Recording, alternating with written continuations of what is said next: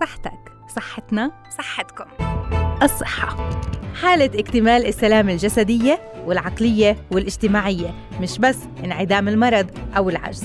حافظ على صحتك لتعرف قيمتها قبل ما تفقدها وتحافظ على الوسادة الناعمة اللي رح تستند عليها أيام شيخوختك لتضل بصحتك تابعنا ببرنامج الصحة عال إعداد وتقديم سماح منصرة لتضلها صحتكم عال العال.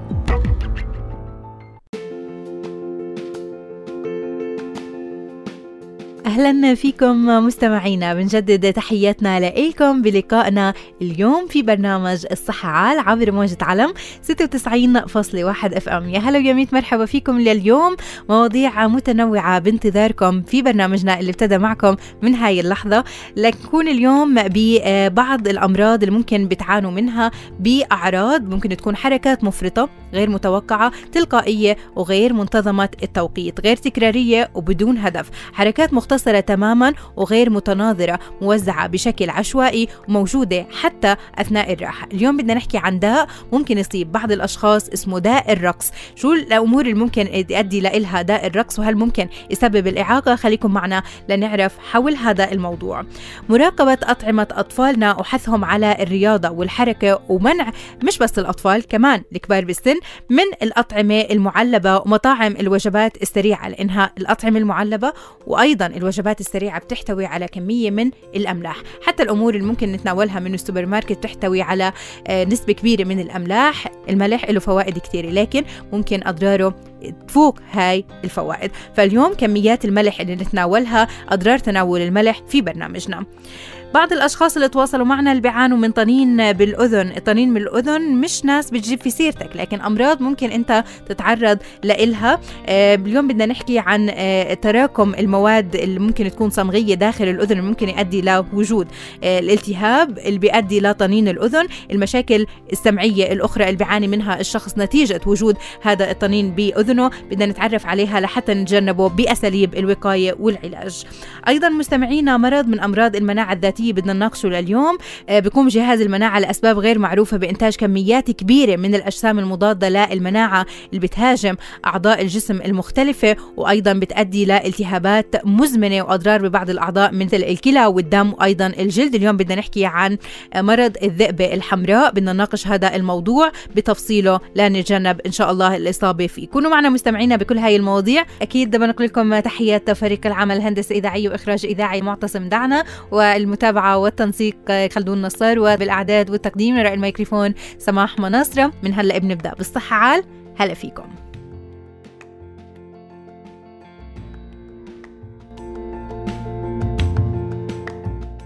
تحياتنا لكم مستمعينا وين ما كنتوا. تحيات الخير والصحة والعافية لكل متابعينا عبر الموقع الإلكتروني Hebron dot edu أو عبر الأثير 96.1 FM متواصلين معكم ببرنامج الصحة. عال لنحكي عن بعض الأشخاص اللي بتحركوا حركات ممكن تكون غير منتظمة التوقيت غير تكرارية حركات مفرطة وغير متوقعة. تلقائية في كثير من الأحيان. ممكن تكون مختصرة وغير متناظرة موزعة بشكل عشوائي وموجودة. حتى الشخص وهو مرتاح وما بده يتحرك هاي الحركة. في بيكون حركات من عدم الارتياح ممكن تسبب للشخص بمشاكل ممكن توصل للإعاقة. بدنا نحكي اليوم مستمعينا عن داء يسمى داء الرقص. شو أسبابه والعلاج والوقاية؟ محور حديثنا بهذا الموضوع لليوم مع أخصائي جراحة الأعصاب الدكتور فضل البطران أهلا وسهلا فيك دكتور فضل يسعد أوقاتك. أهلا أهلا فيكم وبجميع المستمعين. أهلا وسهلا فيك. اليوم بدنا نطرح موضوع آه، داء الرقص. ممكن لما نحكي عن هذا الداء إنه بعض الأشخاص يتهيأ لهم إنه الرقص مش داء الرقص هو آه، شيء بيكون في الشخص لما يكون بحالة مزاجية سليمة. لكن إنه نحكي عن آه، هذا الشيء الرقص كداء. شو هو؟ نعم. داء الرقص هو بال... بيسمى باللاتيني كوريا. يعني هذا طبعا داء الرقص هو عبارة عن كلمة لاتينية طبعا ترافقت ببعض الأمراض منذ زمن. وأول ما اكتشفت هذا داء الرقص اكتشفت بالحالات التي تسبب التهاب اللوز أو التهاب في البلعوم آه، يفرز الجسم بمضادات مناعيه أو أجسام غريبة. آه، مسؤولة عن داء الرقص. إيش داء الرقص؟ أنت عرفتيه يعني تعريف كثير منيح هي عبارة عن حركات. آه، عشوائيه وغير منتظمه وقد يصيب ويصاب به أي جزء من الجسم سواء كان اليد أو اللسان أو الفم وقد ينتقل ذلك إلى الأرجل وهي حركات طبعا لا إرادية وقد يعني ممكن تأتي بأي وقت يعني وبشكل لا إرادي. فبالتالي وهذا طبعا قد يصيب الأطراف العلوية قد يعني ترى شخص يعني بال ما يكون ماشي بالشارع وعم بيعمل حركات مم. بالفعل حركات رقص تشبه يعني الرقص تمام باليدين مم. إلى آخره ممكن تكون مرفوعة إلى الأعلى أو إلى الأسفل مع حركات لسان. وتكون هذه الحركات بلا هدف يعني ما مم. مش مقصود منها شيء مجرد هي حركات إرادية يعني هو ما ب... يعني الشخص المصاب بهذا الداء هو ما بيقدر يسيطر على حركات جسمه هي بتصير يعني بشكل لا إرادي بشكل لا إرادي وبشكل عفوي وغير منتظم وممكن يصيب أي جزء. يعني المريض ما بتنبه إنه ممكن أي جزء يصاب فيه بشكل فجائي. هو الأرجل وقد يسبب في بعض الحالات إعاقة في الحركة لأنه قد يسبب حركه فجائية في الأطراف السفلية ويعيق عن المشي أحيانا حتى عن الكلام. آه وحتى عن أخذ الأشياء وعمل الأشياء بشكل يدوي. طيب دكتور شو آه. يعني شو الأمور اللي بتؤدي للاصابه بهذا الداء؟ طبعا هناك في عدة أسباب. يعني هنا في يعني السبب الأول اللي اكتشف في منذ زمن اللي بحكي اللي بلشت الحكي إنه كان في الناس اللي بيصير عندهم التهابات في اللوز أو البلعوم يصابوا بهذا الداء. فيعني كان في أمر يعني أمر غريب يعني من الناحية السريرية. وسمي في هذاك العصر أو يعني داء الرقص. وهذه كلمة يونانية يعني داء الرقص ليش كلمة يونانيه يعني أطلقت على المجموعة التي ترقص بشكل دائم وعدة أيام. تمام. يعني بتفسيرها اللاتيني. فالدليل إنه هي حركات يعني قد تشمل مجموعة من الحركات وقد تشمل أي جزء من الجسم وبشكل يعني متواصل مرات وبشكل متقطع.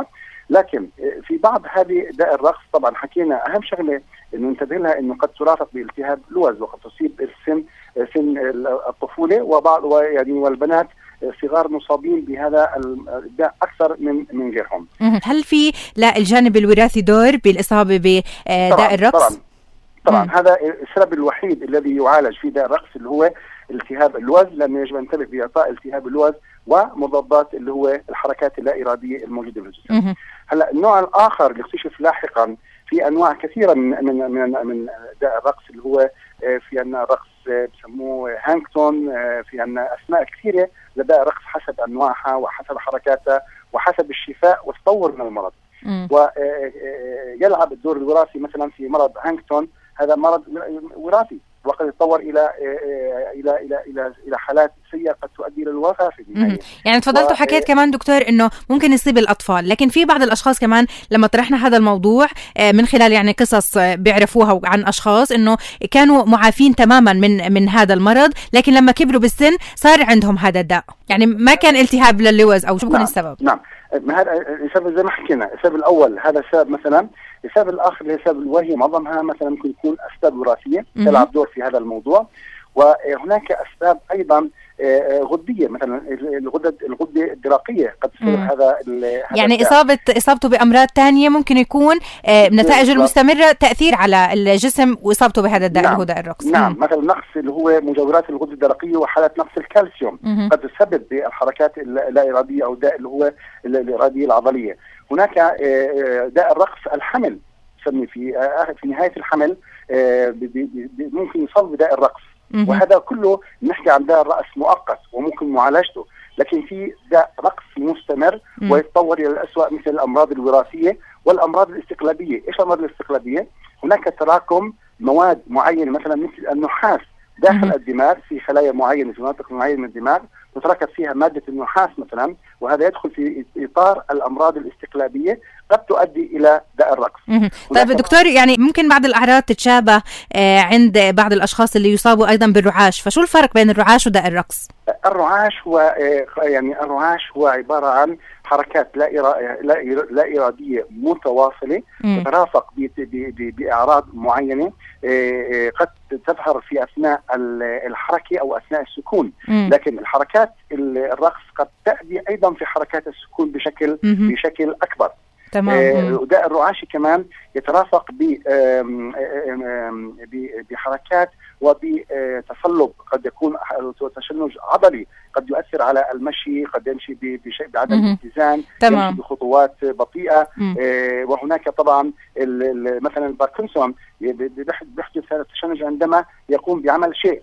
بس في حالة الهدوء لا يحدث هذا الرعاش تمام تمام. آه؟ طيب دكتور في منه في منه علاج يعني إذا الشخص اتبع مثلا آه، بعض بعض الأمور أو حتى علاجات توصف في منه شفاء أو صعب؟ نعم بالنسبة ل يمكن السيطرة على الحركات اللا إرادية هي بالأدوية وهي أدوية خاصة آه، بالسيطرة على الجهاز المركزي المسؤول عن هاي الحركات الإرادية أو داء الرقص.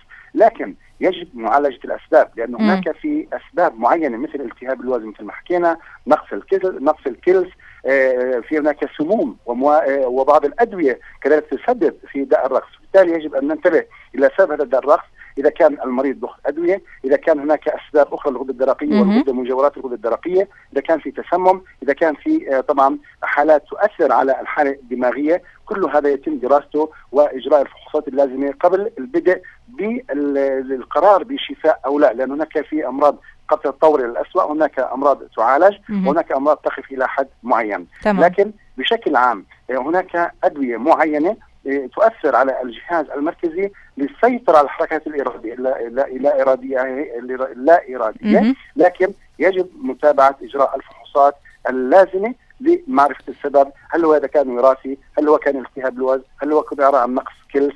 هو عباره عن تسمم عن أدوية تؤخذ من قبل المريض إلى آخره، كل هذه الأمور يجب دراستها وتحليلها بشكل جيد. يعني العلاج بده يكون علاج السبب لحتى يكون في سيطرة على هاي الحركات، لكن مثل ما تفضل الدكتور كمان في أدوية توصف للتقليل من حدة هاي الحركات لكثير من الأشخاص حتى لو كان في معالجة للسبب. نعم نعم نعم. تمام، يعني إحنا أكيد بنتمنى إنه توضحت الصورة بخصوص داء الرقص لكثير من الأشخاص اللي طرحوا علينا هذا الموضوع بدنا نتشكرك أكيد الدكتور فضل البطران أخصائي جراحة الأعصاب يعطيك ألف عافية دكتور. شكرا لكم. شكرا. مستمعينا متواصلين إحنا وأنتم على موجة علم 96.1 FM العديد من المواضيع بانتظاركم على الموجة لكن بعد الفصل القصير خليكم معنا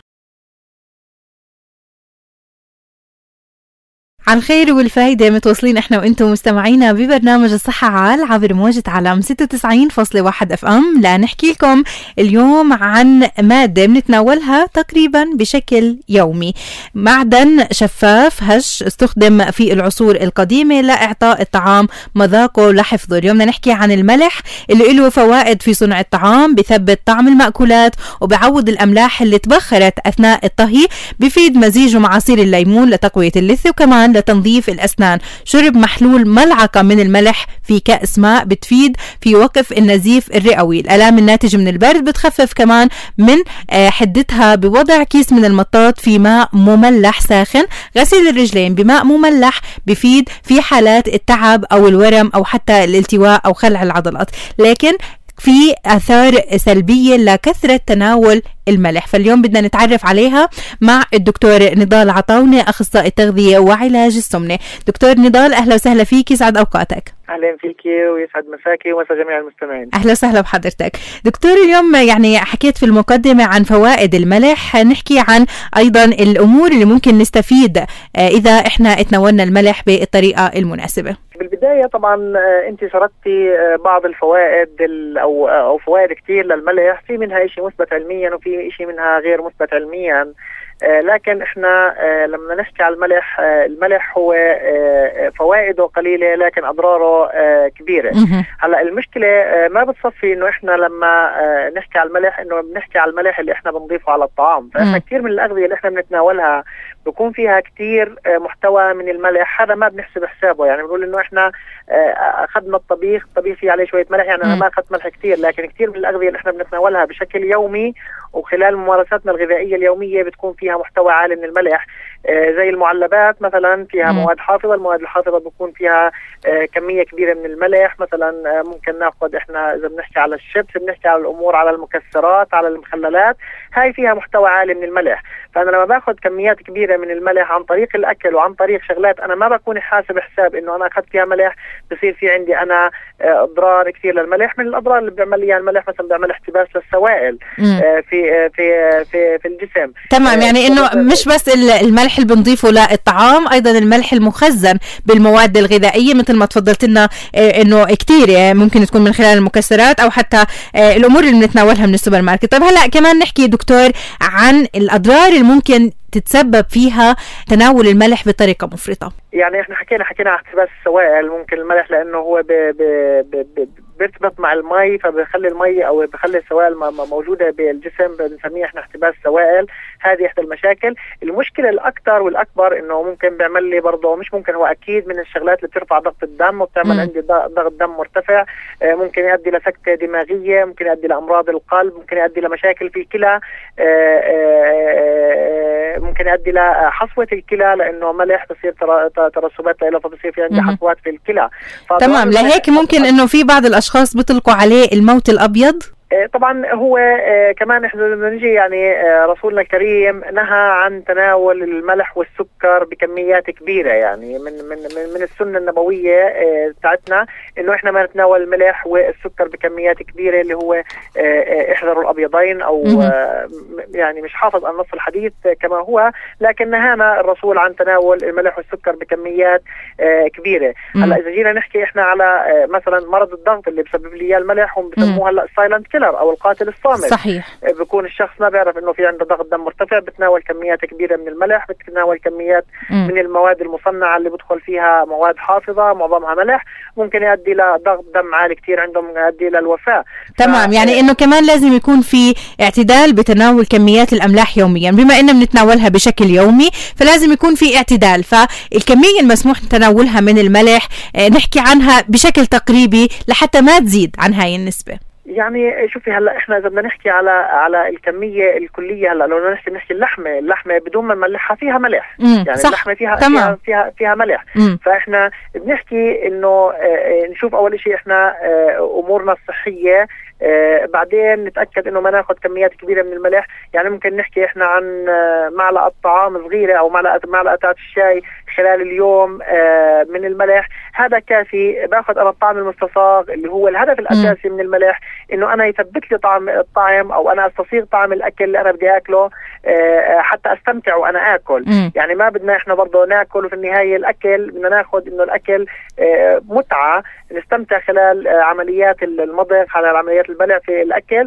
فآخذ الكميات كميات قليلة من الملح اللي تكون تعطيني هذا الشيء اللي أنا بدي إياه والهدف من من من ملح الطعام دون ما أعرض حالي أنا لمشاكل صحية آه وأمراض أنا في غنى عنها عشان أنا أزيد آه شوية ملح. آه نصيحة كمان كثير مهمة إنه ما نخلي إحنا المملحة قدامنا على طاولة السفرة. مزبوط يعني, يعني في بعض الأشخاص خصوصا مثلا على آه، البطاطا المقلية إنهم يعني بحطوا ملح بكميات كتير كبيرة. وفي بعض الأشخاص حتى على الليمون بيوضعوا ملح وبصيروا ياكلوا فيه. فهدول الأشخاص ممكن إنهم يعني آه، فعلا يستطعموا طعم الملح وإنهم بيحبوا ياكلوا الملح. لكن التأثيرات كيف ممكن تكون؟ ما ممكن تكون بس على المدى القصير ممكن تكون كمان على المدى البعيد. على المدى البعيد. نعم. حتى كمان إذا نجي إحنا هلأ لما لما بيجينا مريض الضغط على العيادات إحنا بدنا نعمل له آه، آه، حمية غذائية له بنمشي على شيء اسمه ال DASH diet اللي هي dietary approach to stop hypertension العمود الفقري لها هاي هاي ال DASH diet اللي هي إنه إحنا آه، نحاول نقلل قدر المستطاع من كمية الملح اللي لازم يتناولها هذا الشخص بشكل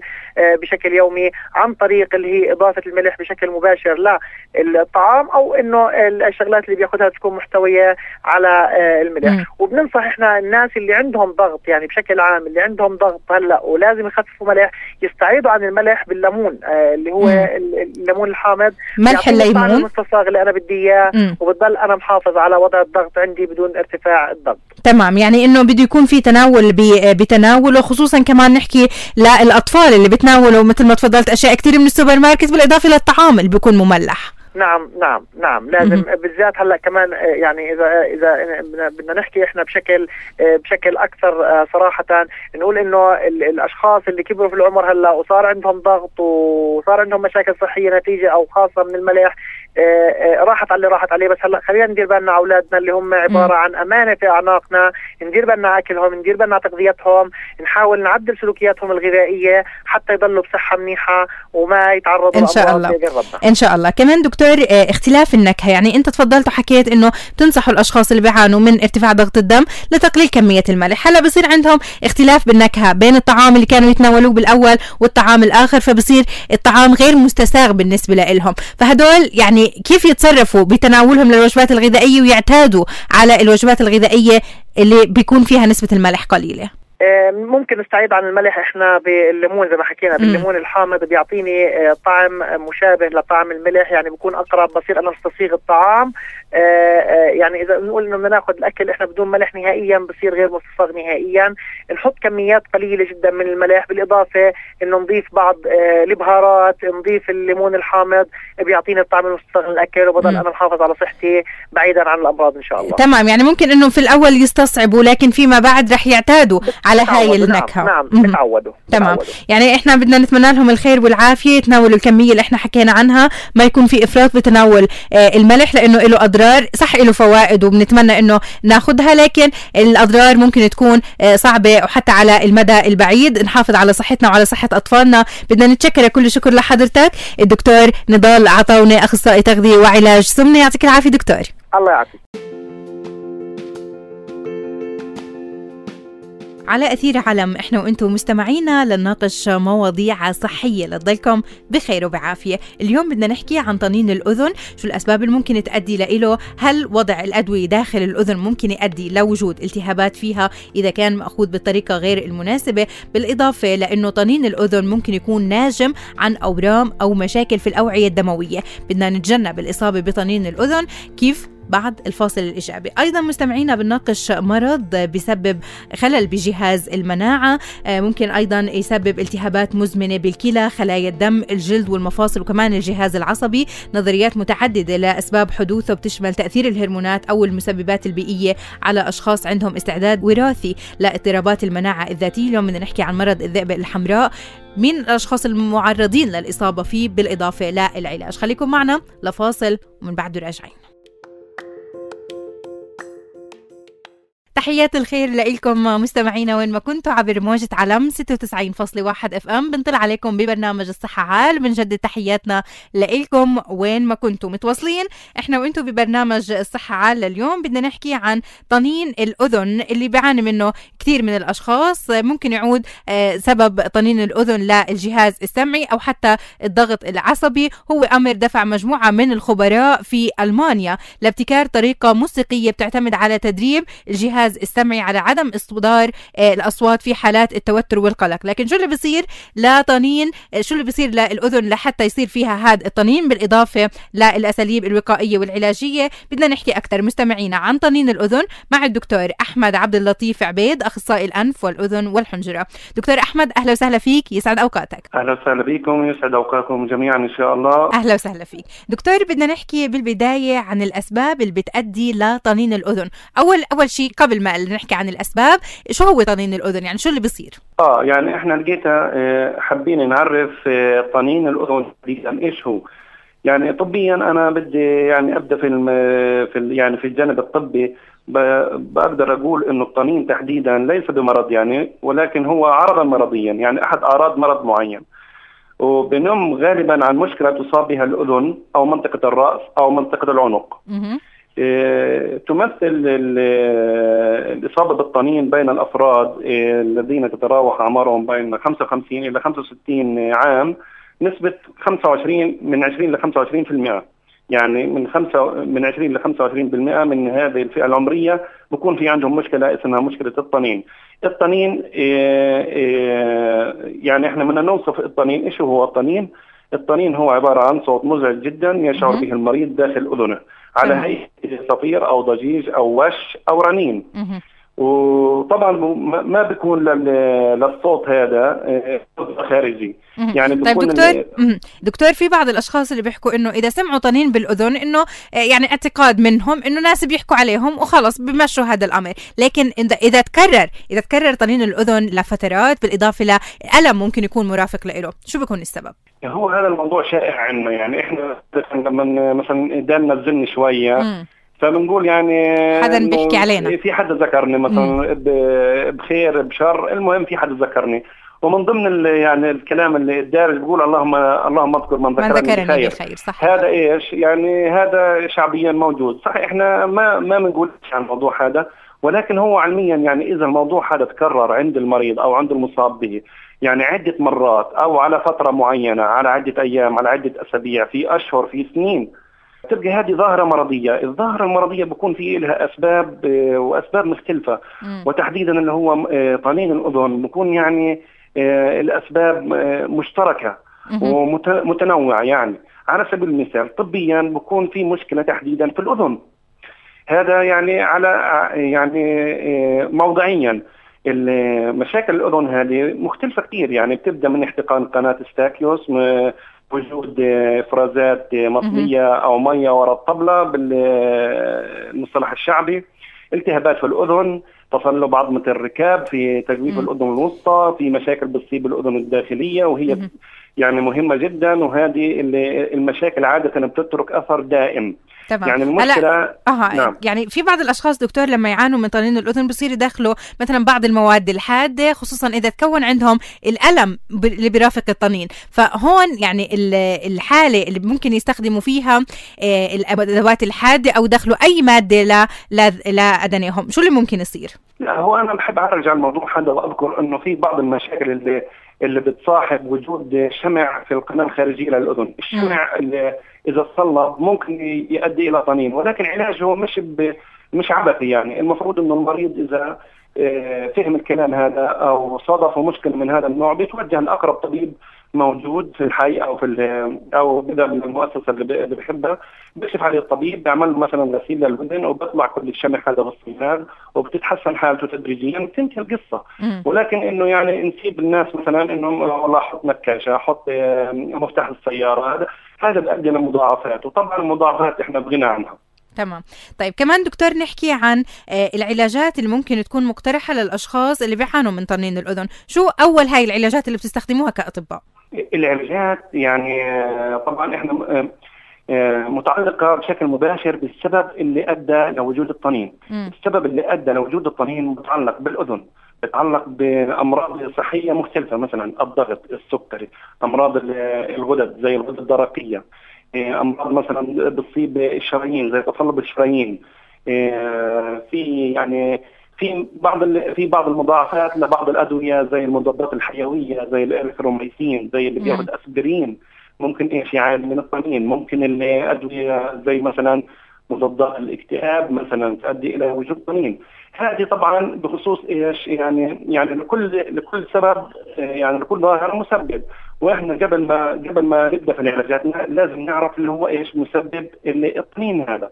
تمام. فإحنا كنا يعني كمان في شغلة مهمة جدا من ضمن الأسباب اللي الوارده اللي هو تعرض للصخب والضجيج العالي جدا يعني زي اللي بيشتغل في المطارات صحيح. بين السيارات. وهذول الأشخاص كمان اللي بيشتغلوا في المحددة ممكن إنه كمان يتعرضوا لهي الأمور. بالضبط. الحداد مم. ممكن يتعرض للطنين أو لضعف سمع مبكر اللي بيشتغل في تصليح المواتير وخصوصا مواتير البساط أو الآلات الكبيرة. طب ممكن يكون في أساليب علاجية بالعمليات الجراحية؟ العمليات الجراحية بتدي نتيجة كويسة في وجود اللي هو الإصابة لما تكون مثلا في على مستوى الأذن يعني تشريحيا. مثلا التهاب أذن آه، الوسطى. ممكن إيش؟ يتعالج. مثلا آه، التدخل التدخل الجراحي في الأمور اللي بتخص الأذن تحديدا يجوز. وهذا يعني يعني متوفر صحيا ومستشفياتنا كلها الإمكانيات اللي متوفرة والكوادر موجودة وتنحل مشاكل كثير في الموضوع هذا.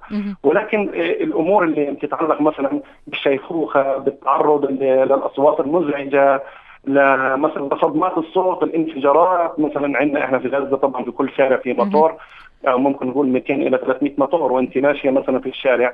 ممكن تتعرض للإزعاج هذا المستمر كل يوم وكل ساعة. هذا ممكن يعني الإزعاجات المستمرة والمتكررة بتؤدي للطنين آه هذه هذه الدوشة وهذا الضجيج المستمر صار روتين أو صار من ضمن نمط الحياة.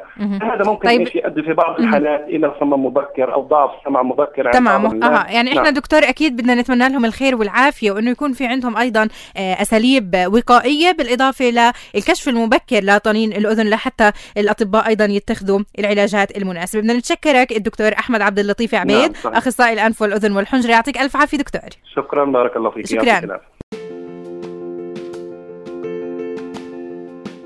بعد الفاصل مستمعينا على الهواء مباشرة رح نناقش مع الاختصاصي مرض من أمراض المناعة الذاتية اللي بيقوم جهاز المناعة لأسباب غير معروفة بإنتاج كميات كبيرة من الأجسام المضادة المناعية اللي بتهاجم أعضاء الجسم ذاته وبيهاجم أيضا أعضاء الجسم المختلفة لحتى يسبب التهابات مزمنة. ممكن تكون بالكلى ممكن تكون بخلايا الجلد والمفاصل والجهاز العصبي. مرض الذئبة الحمراء. بدنا نناقش تفاصيل هذا المرض من أسباب وعلاج ووقاية. خليكم معنا لبعد الفاصل. ما تروحوا hørselig veit. تحياتنا لكم مستمعينا وين ما كنتوا عبر موجة علم 96.1 اف ام متواصلين معكم ببرنامج الصحة عال لنحكي عن مرض أعراضه ممكن تكون التعب الحمى ارتفاع الوزن أو انخفاضه. ألم بيكون في أيضا تيبس وانتفاخ في المفاصل. ممكن تكون جروح على الجلد بتظهر وبتتفاقم نتيجة التعرض للشمس. ممكن أيضا الأشخاص المصابين بالمرض اللي رح نحكي عنه اليوم يكون عندهم تساقط بالشعر ممكن يوصل للصلع. صعوبة بالتنفس وأيضا جفاف بالعيون. اليوم بنحكي عن مرض الذئبة الحمراء. بنحكي أكثر حول هذا المرض أسبابه والعلاج والوقاية مع الدكتور ياسر أبو صفية الأخصائي الباطني. أهلا وسهلا فيك دكتور ياسر يسعد أوقاتك. يسعد أوقاتك. أهلا وسهلا بك وأوقات المستمعين الأكارم. أهلا وسهلا. فيك. دكتور ياسر اليوم موضوعنا حول مرض الذئبة الحمراء. خلينا بالبداية نوضح المقصود بهذا المرض. الذئبة الحمراء أو هو إحنا بنسميه عبارة عن الذئبة الجهازية آه التي الحمرة الذئابية الجهازية هكذا تسمى. هلا هي مرض يصيب كل الأجهزة بالجسم كل الأجهزة آه ويقال إذا آه كنت أخصائي باطني فعليك أن تعرف جيدا ما هي الحمرة الذئابية الجهازية. الحمرة الذئابية الجهازية هي عبارة عن خلل مناعي يؤدي إلى تشكيل أجسام مناعية مضادات مناعية ضد خلايا الجسم نفسها. مثلا نأخذ على سبيل المثال الأوعية الدموية أو الكلى. هلأ هاي الأجسام المناعية تهاجم الكلى أو تهاجم الأوعية الدموية وتؤدي إلى التهاب في الكلى وهذا غالبا ما بكون عند أغلب المرضى اللي عندهم هذا المرض أو تؤدي إلى التهاب في الأوعية الدموية اللي بنسميه vasculitis ويصير عندهم أعراض لها علاقة بال vasculitis اللي هي مثلا مثل ازرقاق اليدين بصير عندهم من البرد تزرق اليدين أو بنسميها ظاهرة رينود. هدول الناس بصير عندهم زي ما أنت تفضلتي كمان آه التهاب في منطقة رصيلات الشعر في, في الراس بيؤدي إلى سقوط الشعر في مناطق معينة بيؤدي إلى التهاب في منطقة الوجه على شكل فراشة بيكون بنسميها باتر فلاي هلا هاي كل الأعراض سهل جدا على الطبيب إذا كانت متكاملة وإذا كانت في صورة واضحة. وعند ست عند بنات صغار هي تصيب فئة عمرية صغيرة يعني فئة الشباب. عمر قديش تقريبا أكثر شيء يعني منتشر هذا المرض؟ طبعا الستة والبنات أكثر تسعة لواحد. يعني من كل تسع بنات بنشوف واحد ذكر فقط عنده المرض. وبنفس الوقت ممكن يجي بأعراض ما لها علاقة اطلاقا بال بال بال بالأعراض اللي ذكرناها. يعني خاصة بعمر معين دكتور ولا إنه العمر ما له علاقة كمان؟ عادة فئة الشباب. يعني إحنا بنحكي عن 18 20 30 سنة. تمام. ممكن نشوف عند بعض الستات اللي بصيروا معهم حمل وفقدان الحمل تبع بعد شهرين أو ثلاثة أو أربع أشهر نتيجة تخثر دموي. طيب أنت حكيت دكتور كمان إنه بيهاجم الجهاز المناعي. لهيك إنه بيكون بأغلب أنسجة الجسم وبأغلب أجهزة الجسم أيضا؟ نعم هو هو هو خلل في الجهاز المناعي يؤدي مم. إلى خلق مضادات حيوية أو مم. أجسام مضادة ضد الجسم نفسه فبيؤدي إلى التهاب زي ما قلنا في الكلى إلى الأوعية الدموية ممكن يؤدي إلى التهاب بالكبد ممكن يعمل أعراض في الجهاز الهضمي آلام في البطن مرات نزيف من الجهاز الهضمي كثير من الأعراض ممكن تكون في الدماغ كذلك الأمر ممكن أول مرة بيجي المريض في نوبات لها علاقة بألم بالرأس بعدين تؤدي إلى صرع.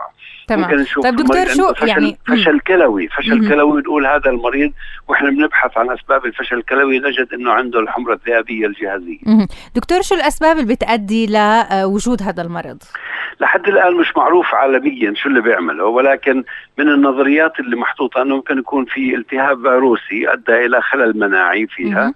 وممكن كذلك الأمر اللي هو حدوث خلل وراثي. هدول الناس اللي وجدوا عندهم C 1 C 2 esterase inhibitor يعني في عندهم نقص في تكوين الجسم المناعي أو الخل أو الجهاز طبيعي. المناعي تبعهم. بصير عندهم الحمرة الذئابيه الجهازية. بعدين في أدوية في بعض الأدوية ممكن يتناولوها ناس ويصير عندهم أعراض شبيهة جدا وبنسميها drug induced SLE هدول الناس مثلا من هذه الأدوية مثل hydralazine مثلا. هذا الدواء كان ينعطى للضغط وممكن يسبب أعراض شبيهة جدا في الحمرة الذئابية الجهازيه في دواء ثاني D-penicillamine في أدوية ممنوع يأخذوها المرضى اللي عندهم الاسئله مثل حبوب منع الحمل إذا كان المريض المريضه اللي عندها هذا المرض؟ حمرة, حمرة ذئابية جهازيه والمرض في مرحلة هدوء إذا أخذت نوع من أنواع مانع الحمل الحبوب الهرمونية هاي ممكن يؤدي إلى آه، يعني ازدياد في نشاط المرض وتظهر الأعراض عليها ثاني مرة. طيب دكتور يعني هو مجموعة من الأدوية ممكن تسببه ومجموعة من الأدوية ممكن تنشط المرض مم. اذا كان في حالة هدوء أو في حالة سكون. تمام. هو معدي دكتور هذا المرض؟ اللي هو غير معدي ابدا. هو مم. غير معدي ولكن إحنا شفنا حالات في نفس العائلة. مم. نتيجة زي ما قلنا ممكن يكون خلل وراثي بالضبط. تمام. طيب دكتور يعني تشخيص الذئب الحمراء كيف بيكون؟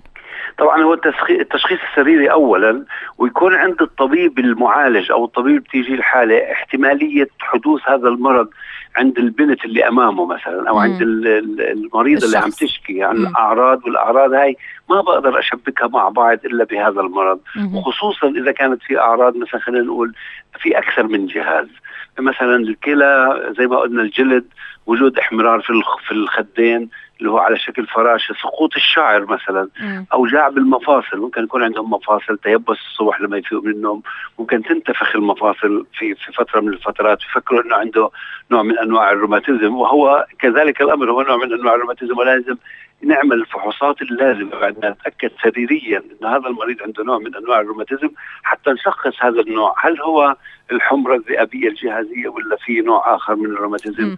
وهذا ما بيكشفه إلا المختبرات ونسأل عن فحوصات خاصة خصوصا عند المرضى عند المرضى اللي عندهم بكون التهاب كلوي مثلا أو تلف في الكلى أو عندهم آه زيادة في البروتينات في البول. طب كمان دكتور يعني في علاجات لهذا المرض وأيضا في كثير من الأشخاص بيسألونا إذا كان مميت أو لا. طبعا الأدوية هلأ الحالية ممكن تؤدي إلى إنه المرض يدخل في مرحلة من السبات ويصير المريض قادر على إنه يعيش حياته العادية. طبعا أحسن من أول. في كثير من الأدوية هاي بنستخدمها لتثبيط المناعة وتهبيطها وتخفيف الأجسام المناعية اللي ممكن تشكلها الجسم ضد الخلايا تاعته. فالأدوية هاي منها وأشهرها الكورتيزون. وبعدين كل الأدوية المهبطة للمناعة ممكن نستخدمها مثل ال azathioprine اللي هو ال Imuran ال Prograf. كل هذه الأدوية يمكن استخدامها. كذلك الأمر ممكن استخدام بعض الأدوية الحديثة اللي بتساعدنا على إنه توقف هذا المرض وتمنعه من إنه يضل في مرحلة من النشاط و آه، آه، الأعراض تكون ما زالت مستمرة عند بعض المرضى. أكيد إحنا بنتمنى الخير والسلامة والعافية لكل الأشخاص المتابعين، شكرا لك. الدكتور ياسر أبو صفيه يعطيك ألف عافية. تسلم. مستمعينا إحنا وأنتم على موجة علم 96.1 أكيد بنتمنى كل المواضيع اللي آه طرحناها لليوم تكونوا أخذتوا منها الفائدة آه أكيد بنقول لكم تحيات فريق العمل الهندسة اذاعي وإخراج إذاعي معتصم دعنا والمتابعة والتنسيق كان معي خلدون نصار. وتقبلوا تحياتي كنت معكم بالأعداد والتقديم وراء الميكروفون سماح مناصرة. الصحة تاج على رؤوسكم دائما إلى اللقاء.